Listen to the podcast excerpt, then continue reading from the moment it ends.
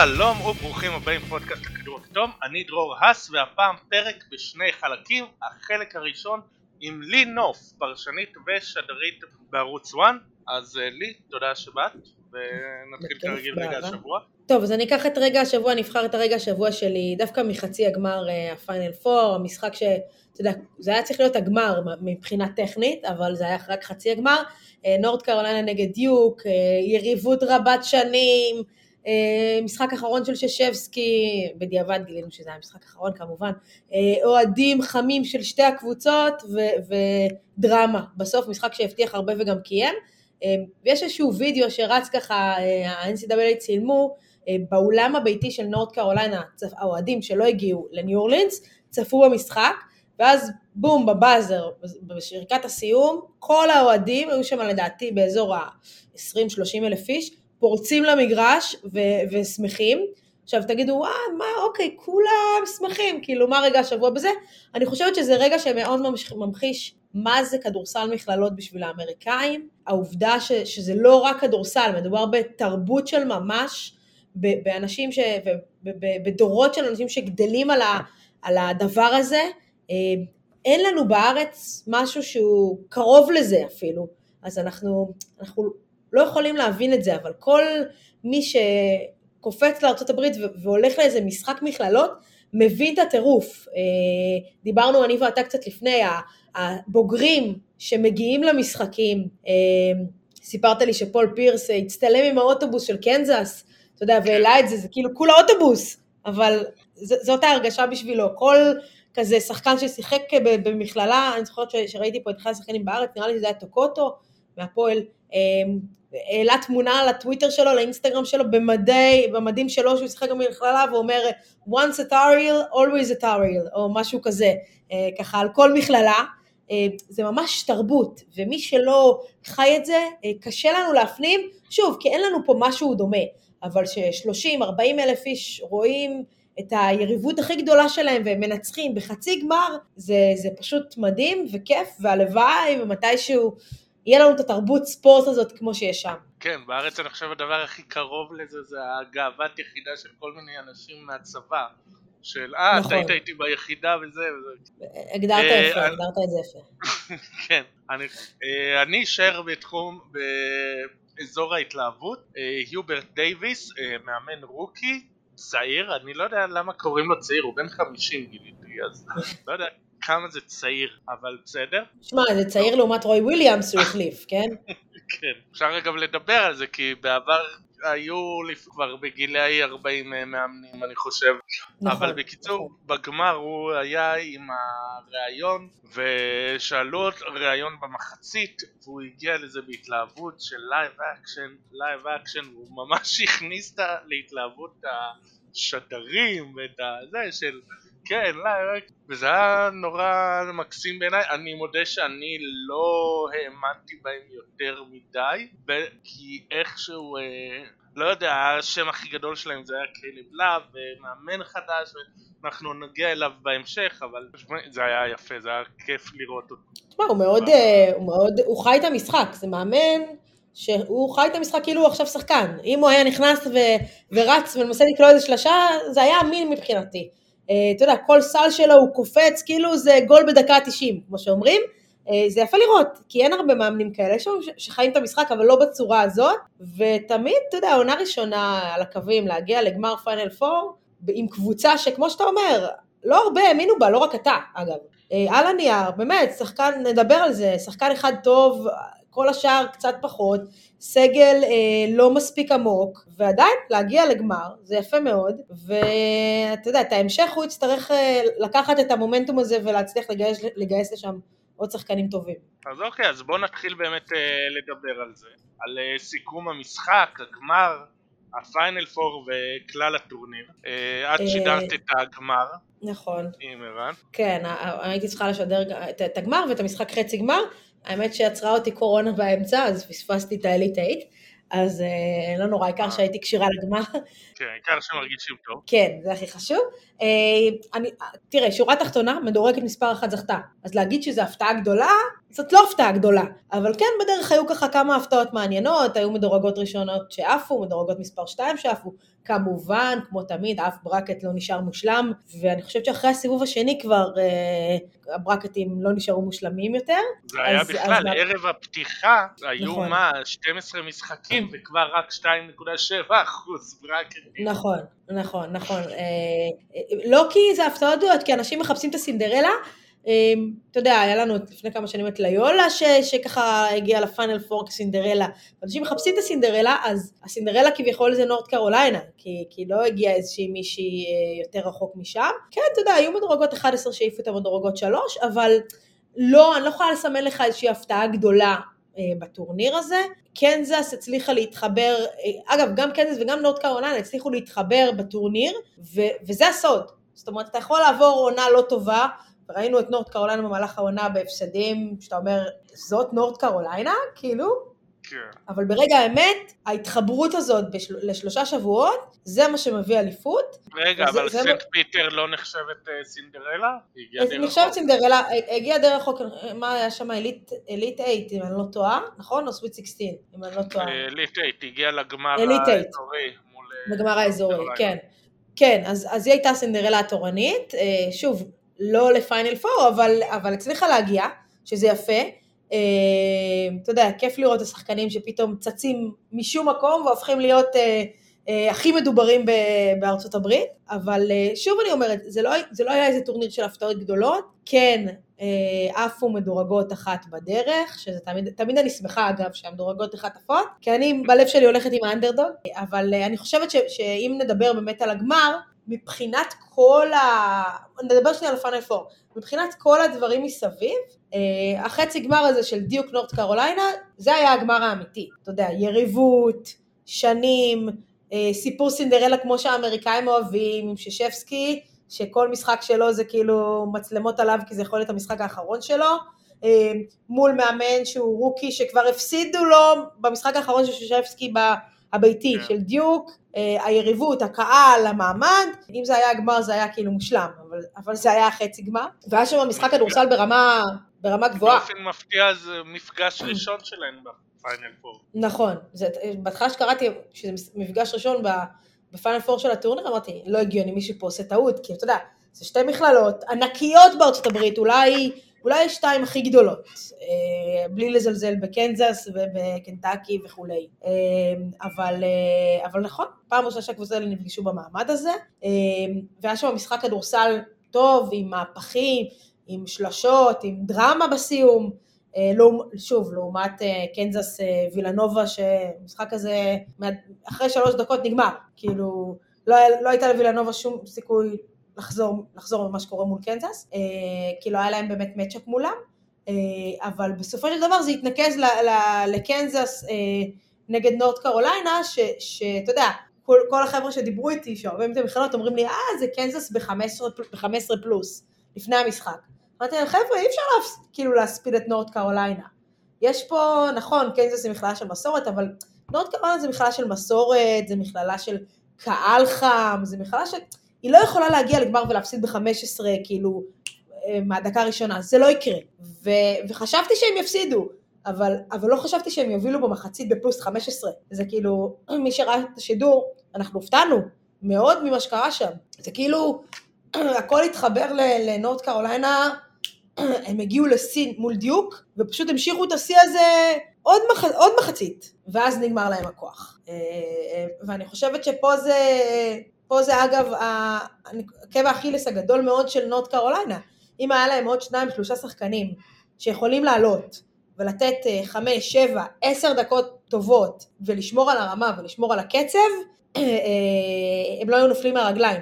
וראינו מחצית שנייה, תוריד שלוש-ארבע דקות טובות, פשוט נורד קרוליינה נפלו מהרגליים. שיחקו עם שישה שחקנים, היה שם את הפציעה בסוף, נכון, של אה, בקוט, ואין להם מחליף בשבילו הם אמרו לשחק כאילו אה, הרכב נמוך, ופאף ג'ונסון זה השחקן היחיד שעלה מהספסל, נתן שם שבע נקודות ברציפות שהשאירו את נורד קרוליינה במשחק בסיום, אבל לשחק עם שישה שחקנים בגמר, מכללה שהיא נורד קרוליינה, היא מכללה גדולה, זו מכללה שאתה יודע, כל שחקן כדורסל מכללות שואף להגיע למכללה כזאת. כן, נכון שאתה יודע, זה, זה סיימו שם עידן, ורוי וויליאמס כבר לא נמצא ויש מאמן אחר, ועדיין, אני חושבת שזה, ש, שכאילו, אם נורד קרולן הגיעו למצב שהם משחקים בגמר מכללות עם שישה שחקנים, הייתה שם בעיה מאוד קשה בגיוסים. נכון, הייתה שם פציעה גם במהלך העונה של אחד השחקנים, אבל זה אומר ש, שהם פתחו את העונה עם סגל של שבעה שחקנים טובים, ואי אפשר לקחת אליפות עם סגל של שבעה שחקנים טובים. אה, גם גם אם, אתה יודע, שחקן עולה מהספסל ונותן אה, ארבע, חמש דקות טובות, שומר טוב, אולי חוטף איזה כדור, לוקח ריבאונד, הוא לא צריך להיות שחקן, אתה יודע, לקלוע שבע נקודות מהספסל במומנטום טוב, אבל הוא צריך לתת את הדקות הטובות האלה, ולנורד קרולנה, אה, או שאין את השחקנים האלה, או שדייוויס לא מאמין בהם. אה, וזאת הבעיה, וזה מה שבסופו של דבר הפסיד להם את האליפות, כי הם פשוט נפלו מהרגליים, וצריך להגיד, דרור, אתה יודע, זה טורניר של שלושה שבועות, שהחבר'ה משחקים בהפרשים של, לפעמים משחקים, בתחילת הטורניר משחקים, יום מנוחה ועוד פעם משחקים. יש פה אלמנט של עייפות, אחרי עונה די ארוכה, אחרי גמרים אזוריים, אחרי טורניר אזורי, אחרי כל העונה. יצטרכו לעשות שם חושבים, וכמו שראיתי שצייצת איך שנגמר, יצטרכו, לג... יש שם שחקנים שיעזבו, מן הסתם, יצטרכו לגייס, אה, לגייס שחקנים טובים, ולא ארבעה חמישה, סגל יותר רחב, נראה לי שמזה הם ילמדו. כן, אה, עכשיו אחרי שדייוויס אה, הגיע, ראיתי שהוא הרביעי בהיסטוריה שבעונת הרוקי הגיע לפיינל פור או גמר, לא זוכר מה מהם, תדייקי אותי. אז בטח מניח שעכשיו יהיה יותר קל לגייס. אה, אתם במחצית שם באמת, אתם דיברתם על זה שאין לקנזס לידר, מישהו שיוביל אותה למהפך. נכון. בסוף כן, היה שם מהפך הכי גדול בהיסטוריה של הגמר, נכון? נכון. אז אז אה, איך בכל זאת הם אה, הובילו את המהפך? רק הנפילה מהרגליים? גם נפילה מהרגליים, גם קנזס קבוצה יותר עמוקה, אין מה לעשות. גם, אתה יודע, בקוט יצא, נפצע, אה, מקור מקסה, אם אני לא טועה, ארבע נקודות, ארבע נקודות רצופות, שם בסוף שהביאו את הניצחון, כי אף אחד לא יכול להתמודד מולו. אה, ומעבר לזה, אה, רמי, רמי מרטין, שהוא הגארד המחליף של ביל סלף, עלה מהספסל ופשוט השתלט על המשחק. עכשיו, הבעיה בקנזס, שקנזס קבוצה טובה, אני לא אומרת קנזס יש לה עומק, יש לה שחקנים טובים, יש לה את מקורמק ש, שאין, יש לה את אה, אבאג'י, שמאוד השתפר במהלך הטורניר.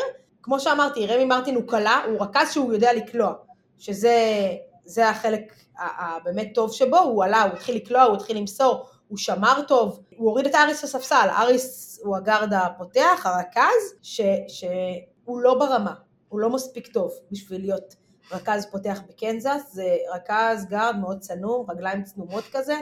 אמ, ביל סלף מאוד מאמין בו, הוא נותן לו את המפתחות, אה, הוא מאוד קבוצתי, הוא מאוד משחק בשביל האחרים, אבל כנראה שמשהו שם לא התפתח מספיק, והוא לא מספיק טוב בשביל קנזס, וראו את זה, איך שהוא ירד לספסל ומרטין החליף אותו, אה, הוא היה, הוא היה טוב, ומחצית שנייה, צריך להגיד, מחצית ראשונה אולי קצת מקורמק ששיחק טוב, קנזס לא שיחקה טוב, ופתאום במחצית השנייה אה, גם ווילסון אה, התעורר, התעורר גם בראון התעורר, שזה שני שחקנים מאוד מעניינים אגב, כדאי לזכור את השמות שלהם קדימה, גם אה, ג'יילן ווילסון וקריסטיאן בראון, ושניהם השתלטו על המשחק, וזה בסופו של דבר מה שניצח לקנזס את המשחק הזה, שני השחקנים האלה, פלוס דקות טובות של מקורמק בסוף, עם הפציעה של בקוט, ורמי מרטין שעלה מהספסל אה, אה, והשתלט על העמדה של הרכז, זה מה שניצח את המשחק. אוקיי, אז בואי באמת נתמקד ביוברט דייוויס, אה, זו תחילה של קריירה מופלאה,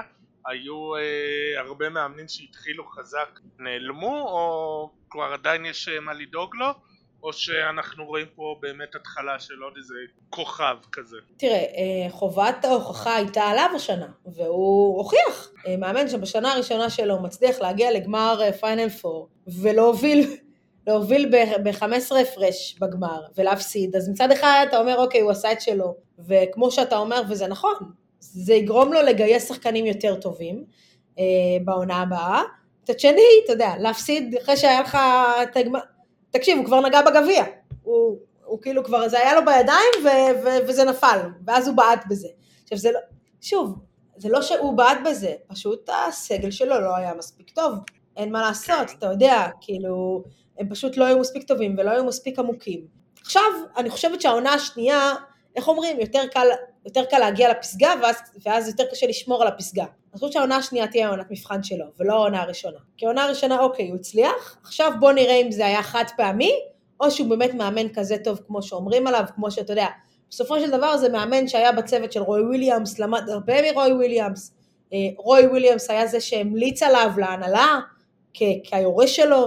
אה, ראינו את רוי וויליאמס בא גם כמעט לכל המשחקים של נורד קרוליינה השנה ועוקב מאוד מאוד מקרוב. אני בטוחה שהוא גם לחש לו כמה דברים באוזן. אה, אז, אז העונה השנייה עכשיו, כאילו, יש לו שני מבחנים. אחד זה גיוס שחקנים, את מי הוא הצליח להביא, ו- והאם הוא הצליח להביא שחקנים מספיק טובים. ושתיים, אוקיי, בוא נראה, יש לך שחקנים טובים, בוא נחבר את זה לקבוצה, אה, כי יהיו לו, לדעתי, שלושה ארבעה שחקנים שיעזבו אותו. אה, בוא נצליח לחבר את זה לקבוצה שתצליח להגיע רחוק. כי ראינו כבר שנים שנורד קרוליינה הייתה לא טובה, וראינו אותה בשנים הגדולות שלה. שנה הבאה, שנת מבחן, תרשום את זה ונדבר על זה עוד שנה. סבבה. אז אה, מהרו, מזה שמתחיל את הקריירה לזה שמסיים את הקריירה, מייק שושבסקי סיים 42 שנה, וזה רק בדיוק, נכון? לפני זה היה גם כן. בווסט פוינט. אז מה בדיוק, הוא פורש עם השיא של פיינל פורים, שיא של ניצחונות, נחשב, כן. עוברת למעשה ג'ון וודן בתור המאמן אה, המכללות הגדול בכל הזמנים, מה בדיוק המורשת, ההשפעה? קודם כל אני חושבת שכן, שהוא, שקודם כל, הטורניר הזה, חודש מרץ, המרץ' מנדס, היה בארצות הברית, זה היה הסימן שלו. אה, מייק ששפסקי, כולם חיכו, ראו, אה, העיניים היו אליו, כל משחק של דיוק, המצלמה הייתה עליו למקרה והם יפסידו למקרה ומשהו יקרה. אה, תשמע, לו- הייתה לו גם קבוצה טובה, שוב, חסרת ניסיון כמו שדיוק תמיד, כי כולם עושים שם one and done בערך, אבל שוב, רג, ברגע האמת זה לא, לא עבד.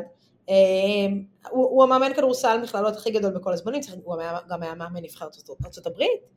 אה, המורשת הכי גדולה, באמת. אה, אה, אני חושבת שהיום אומרים כדורסל מכללות לחובב לאמריקאים, אז השם המקביל זה מייק שישבסקי, כי הוא גידל כל כך הרבה שחקנים, וכל כך הרבה שחקנים עברו לו בידיים, וככה אתה מדבר עם הבוגרי דיוק לדורותיהם, ואומרים, זה האיש שלימד אותי את מה שאני יודע היום. בסדר, הגיעו ל-NBA וכנראה חירבו את הכל מה שהם ידעו, אבל את כל מה שהם יודעים, את הבסיס, עברו אצלו ולמדו ו- ו- ועשו איתו. אה, אז, אז כבודו במקומו מונח, ואתה יודע, 42 שנה באותו מקום, זה משהו שיש רק בתרבות האמריקאית, זה משהו שלא יכול לקרות בשום תרבות אחרת, ומי שנכנס לנעליים שלו, צריך להגיד למי ששומע אותנו, אפילו יש לנו קשר קטן אמנם למי שנכנס לנעליים שלו, זה ג'ון שייר, כן. שעבר פה איזה עונה היה איזה במכבי שנה, תל אביב. שנתיים במכבי. נכון, אה, אם מישהו ככה, שם מוכר לו, זוכרים גארד חמוד, בלונדיני עם משקפיים, אחרי שהוא נפצע בעין, אה, ואז הוא פרש בעקבות אותה פציעה, ואיך שהוא פורש הוא מצטרף לצוות האימון של ששבסקי, הוא בוגר דיוק, ששבסקי לוקח אותו תחת חסותו, מלמד אותו, עוד אחד שמלמד אותו את כל מה שהוא יודע, באמת בשנים האחרונות הוא נהיה עוזר מאמן ראשי, צמוד מאוד לששבסקי, וגם, שוב, כמו מקרה רוי וויליאמס עם דייוויס, גם פה ששבסקי ממליץ עליו להנהלה כדי שייכנס לנעליים שלו. אה, חובת ההוכחה עכשיו עליו, זה, זה לגמרי עידן חדש. אני חושבת שזה עידן חדש גם בכדורסל המכללות בלי ששבסקי, וגם אה, עידן חדש בדיוק, אה, כי ששבסקי, אתה יודע, לימד את מה שהוא יודע, וגם שמו הלך לפ- לפניו, והוא תמיד הצליח לגייס את השחקנים הכי טובים, אני אתקן את עצמי, לא את השחקנים הכי טובים, הכי טובים את הפוטנציאלים הכי טובים, אה, שמצד שני, אתה יודע, זה, זה הצליח לו כי, כי, כי הוא באמת אימן שחקנים טובים, מצד שני, זה שחקנים פוטנציאליים שאמרו, יאללה, נעבור אצל ששבסקי כדי לסמן וי. שעברנו אצלו, נעשה עונה אחת ונברח ל-NBA. אה, אז עכשיו אין ששבסקי, למרות שכן קראתי, אני לא זוכרת את השמות, שהם כבר הצליחו לגייס כמה, כמה כוכבים גדולים אה, לשנה הבאה.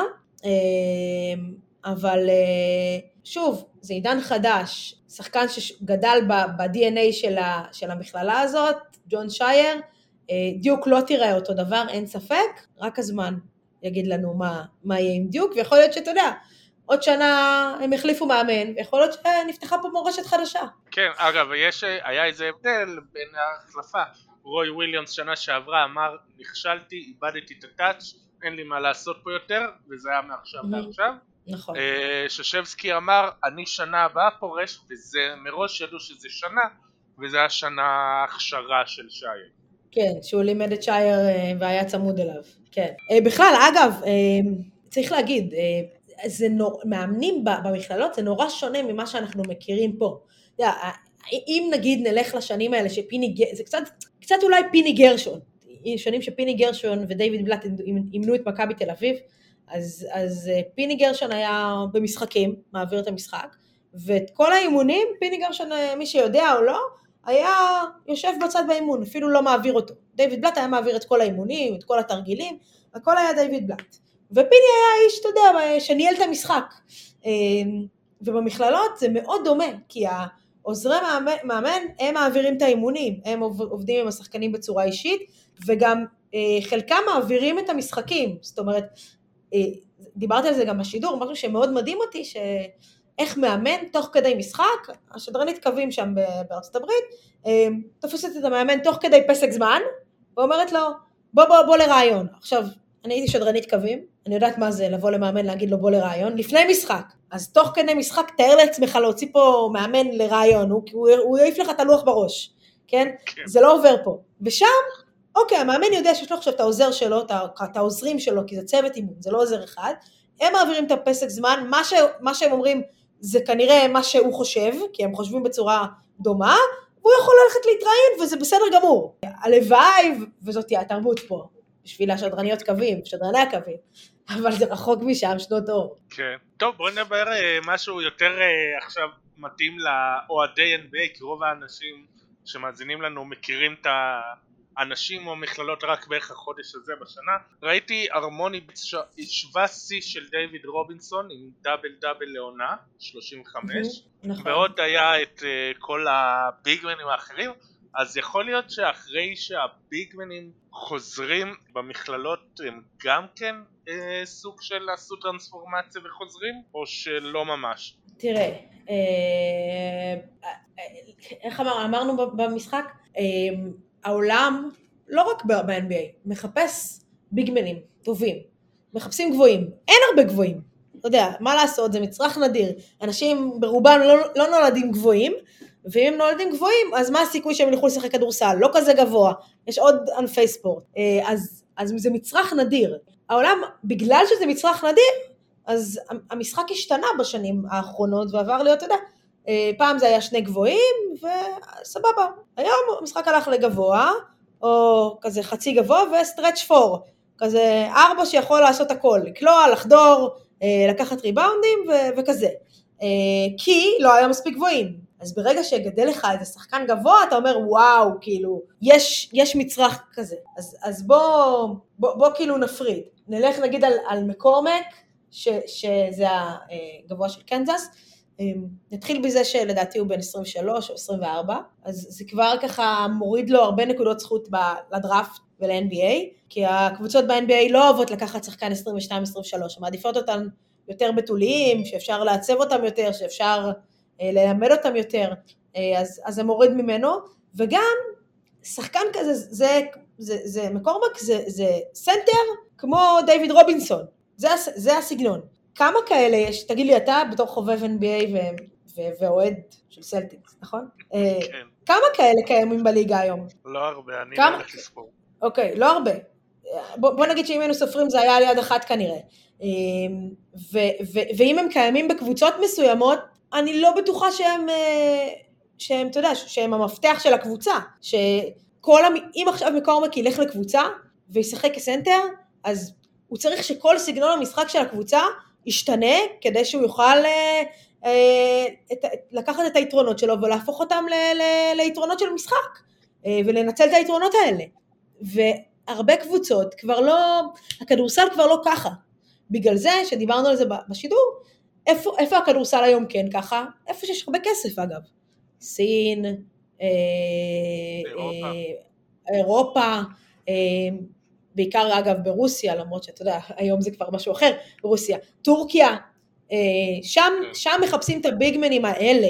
אה, גם, גם עכשיו נגיד בוא, בוא, בוא, בוא נשליך את זה למשהו שכאילו אנחנו חיים, חיים פה, נגיד זיזיץ', כמה מכבי משחקת איתו?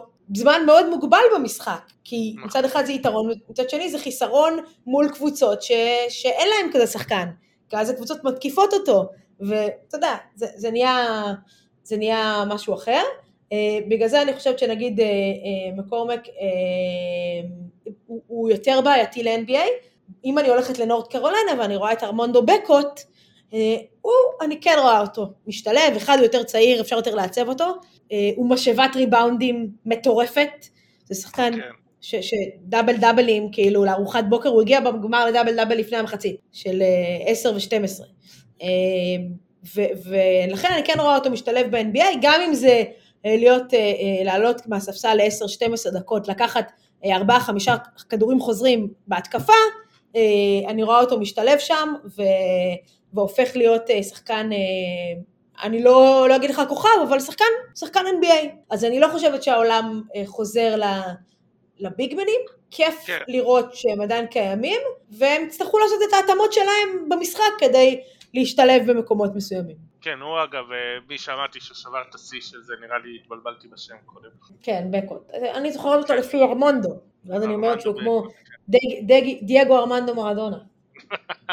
כן, אה, אז בואי נעבור גם, נסיים עם שאר הגיבורים של הטורניר, הגמר. מבחינת אה, אוהדי ה-NBA, איזה שמות אנחנו צפויים להתקל ממי שראינו בטורניר? ואיזה כנראה ניתקל ביד אליהו. אה, טוב, קודם כל, אה, בשלבים המוקדמים אני שידרתי את פרדו, אז יש שם את אה, ג'יידן אייבי, שכבר, הוא טרום הטורניר היה מדורג מקום שלישי, רביעי, קפץ למקום ראשון בתחזיות, זה עוד יכול להשתנות, כן, זה עוד יכול, זה עוד יכול להשתנות, ואתה יודע, תלוי מי שמה יהיה ב lottery ומי יבחר, אבל הוא קפץ למקומות הראשונים.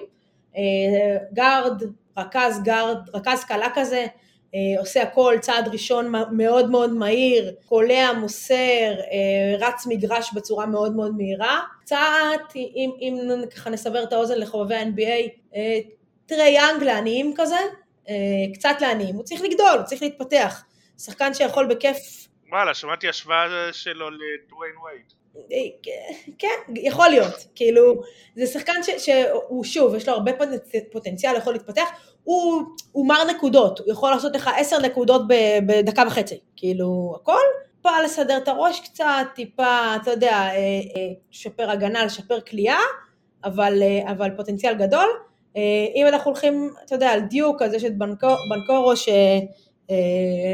פאולו בנקורו, גם קפץ איזה מקום שניים בתחזיות, גם ילד, זה ילד, זה שחקן שהוא אה, אה, שלוש-ארבע, גם שדה, הוא, הוא כאילו מאוד NBA, מאוד מיינדד ל-NBA, מאוד מכוון לשם, מאוד מה שה, שהאמריקאים אוהבים, השחקנים שיכולים גם למסור, גם לקלוע, גם לרוץ מגרש, לא גארד קלאסי, אבל הוא גבוה, שיודע לקלוע ולעשות אה, כל מיני דברים. מי שמעניין אותי מאוד, אגב, זה הולמגרן של אה, גונזגה, האטריה, אתה יודע, כי זה שחקן שאתה רואה אותו, אם הוא היה עובר לידך ברחוב דרור, אתה לא היית מאמין שהוא שחקן כדורסל כנראה. אבל הוא, יש לו מוטות, מוטות ידיים מאוד מאוד ארוכות, כפות ידיים גדולות, אתלטי מאוד, שומר, יכול לעשות הרבה דברים.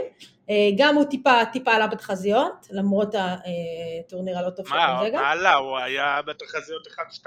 לא, אבל, אבל הוא כבר ירד, הוא כבר ירד. הוא ירד, אגב, חשוב משהו לגביו, כולם אומרים מטריה היא טריה, אבל אני ראיתי אותו במשחקים כמה שהוא רזה, הוא ממש חזק. הוא יודע להסתדר עם שחקנים גדולים. אה, אז, אה, אז אני, הוא יצטרך לעשות עוד קפיצה כזאת, כי אתה יודע, שחקנים גדולים במכללות זה לא שחקנים גדולים ב-NBA. יעמוד כזה מול, אה, למרות שאתה יודע, אחרי הלילה זה לא כזה סיפור, אבל יעמוד מול לברון ג'יימס, ולברון ג'יימס יעשה לו כזה אפצ'י קטן, וכמה שהוא חזק כנראה שהוא ייפול. ואתה יודע, אגבאג'י של קנזס, גם אה, היה שם באזור ה...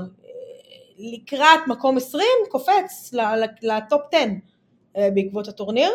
אה, שוב, אתה יודע, יש כל כך הרבה זמן ודברים עוד יכולים להשתנות, אבל, אבל זה שחקנים ש, שכדאי לרשום את השם שלהם. אגב, אייבי, שכאילו דיברתי עליו ככזה שקפץ למקום ראשון, עוד לא, הוא עוד לא הספיק לרדת מהפרקט אחרי ש, שפרדו עפה, והוא כבר מוציא הודעה שהוא יוצא לדראפט. כאילו, באמת, לא, תקשיב, לא עבר אולי, ראיתי בטוויטר, לא עבר חצי שעה, והיה לו כזאת הודעה מוכנה, תודה לכולם, אני יוצא לדראפט ו- וכזה. כן. מה עם uh, הגיבורים באמת של הגמר? בייקוט, לאב נגיד? Uh, בוא נראה. גם שיפר את המיקום? בוא נבדוק איפה, איפה החבר שלנו מנורד קרוליינה, שאתה מאוד מאוד אוהב. לא, זה טל נחום אוהב אותו. תחילת סיבוב שני. אה, וואו, אז הוא לא ממש כן. שיפר... לא, לא ממש. תשמע, לא היה לו גמר טוב, היה לו חצי גמר טוב. גמר לא ממש. הוא גם שיחק עם פציעה, צריך להגיד, ברגל. טל אוהב אותו מאוד, הוא, יש לו פוטנציאל טוב, אבל הוא לא מלוטש, מאוד לא מלוטש, מאוד, אתה יודע, לפעמים קצת שוכח את החברים שלידו, לוקח הכל על עצמו.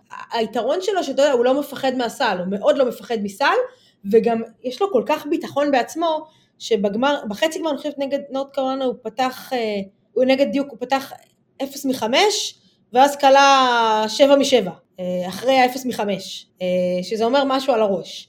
אבל כרגע סוף סיבוב שני, אני, לדעתי הוא הצליח להיכנס סוף, סוף סיבוב ראשון. זה דעתי. לא, החשש שלי לגביו זה שהיו משחקים שאני ראיתי אותו מוביל ומככב ומשחק סופרסטאר והיו משחקים שהייתי צריך לחפש לראות מה התרומה שלו בכלל במשחק. לא יציב. נכון. אגב, כן. כשנורד קרוליינה, כשנורד קרוליינה היו טובים, הוא היה טוב, אבל כשהקבוצה טיפה מדשדשת, הוא כאילו נעלם, בדיוק כמו שאתה אומר, צריך לחפש אותו. כן. Uh, לשחקנים האחרים אגב של הגמר, uh, בקוט גם, אמצע סיבוב שני, מדברים עליו, לדעתי זה עוד יעלה. אגב, מי שלדעתי אנחנו נראה בקרוב ביד אליהו, בקרוב, לא אם בקרוב, אבל נראה אותו מתישהו באירופה, זה ברנדי מנק. Uh, הארבע של נורד קרוליינה עם הזקן, למי שראה את המשחק. כן. וככה זה. שחקן שהוא ינסה את מזלו ב-NBA, הוא גם מדברים עליו כסיבוב שני.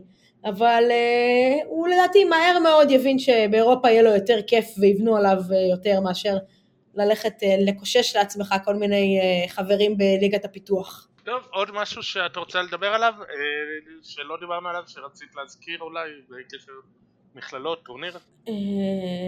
לא, רק להגיד שאתה יודע, זה ממש ממש כיף, הטורניר הזה הוא כיפי, הוא מאוד טהור, תמים, החבר'ה האלה, צריך להגיד, זה כוכב... בשנה הבאה אה, ג'יידן אייבי אה, ירוויח הרבה מאוד כסף. השנה הוא הרוויח כנראה את תקציב הבוטנים שלו, משהו כזה. אה, למה? יש את הניל. לא, יש, כן, הם מקבלים קצת מספונסר שיפ וכאלה, אתה יודע, זה דבר שעד לפני שנתיים שלוש לא היה בכלל, מי היה משלם להם. אבל, כן. אבל תקשיב, לעומת המיליונים שהוא ירוויח כבחירה 1, 2, 3 או 4 בדראפט, זה, זה פינאץ. אה, אז נכון. זה כיף, כי אתה רואה באמת את הכוכבים הגדולים, אה, כשהם באמת תמימים וטהורים, והכסף לא שינה אותם, והם לא משחקים כדי לשפר סטטיסטיקה, והם לא משחקים כדי, יאללה, בוא, בוא, כאילו, כדי שיראו לי עוד כמה נקודות בקלטת, הם משחקים באמת בשביל הגאוות יחידה והחברים שלהם, אה, והם עדיין לא, לא מבושלים מספיק, וזה הכיף. וזהו, ואני כבר מחכה לשנה הבאה, בינתיים אני הולכת להשלים שעות שינה מהשבועות האחרונים, ואז אני מחכה לשנה הבאה. טוב, אז uh, תודה שהצטרפת אלינו, ושינה רבה. תודה, תודה. יאללה, ביי. ביי.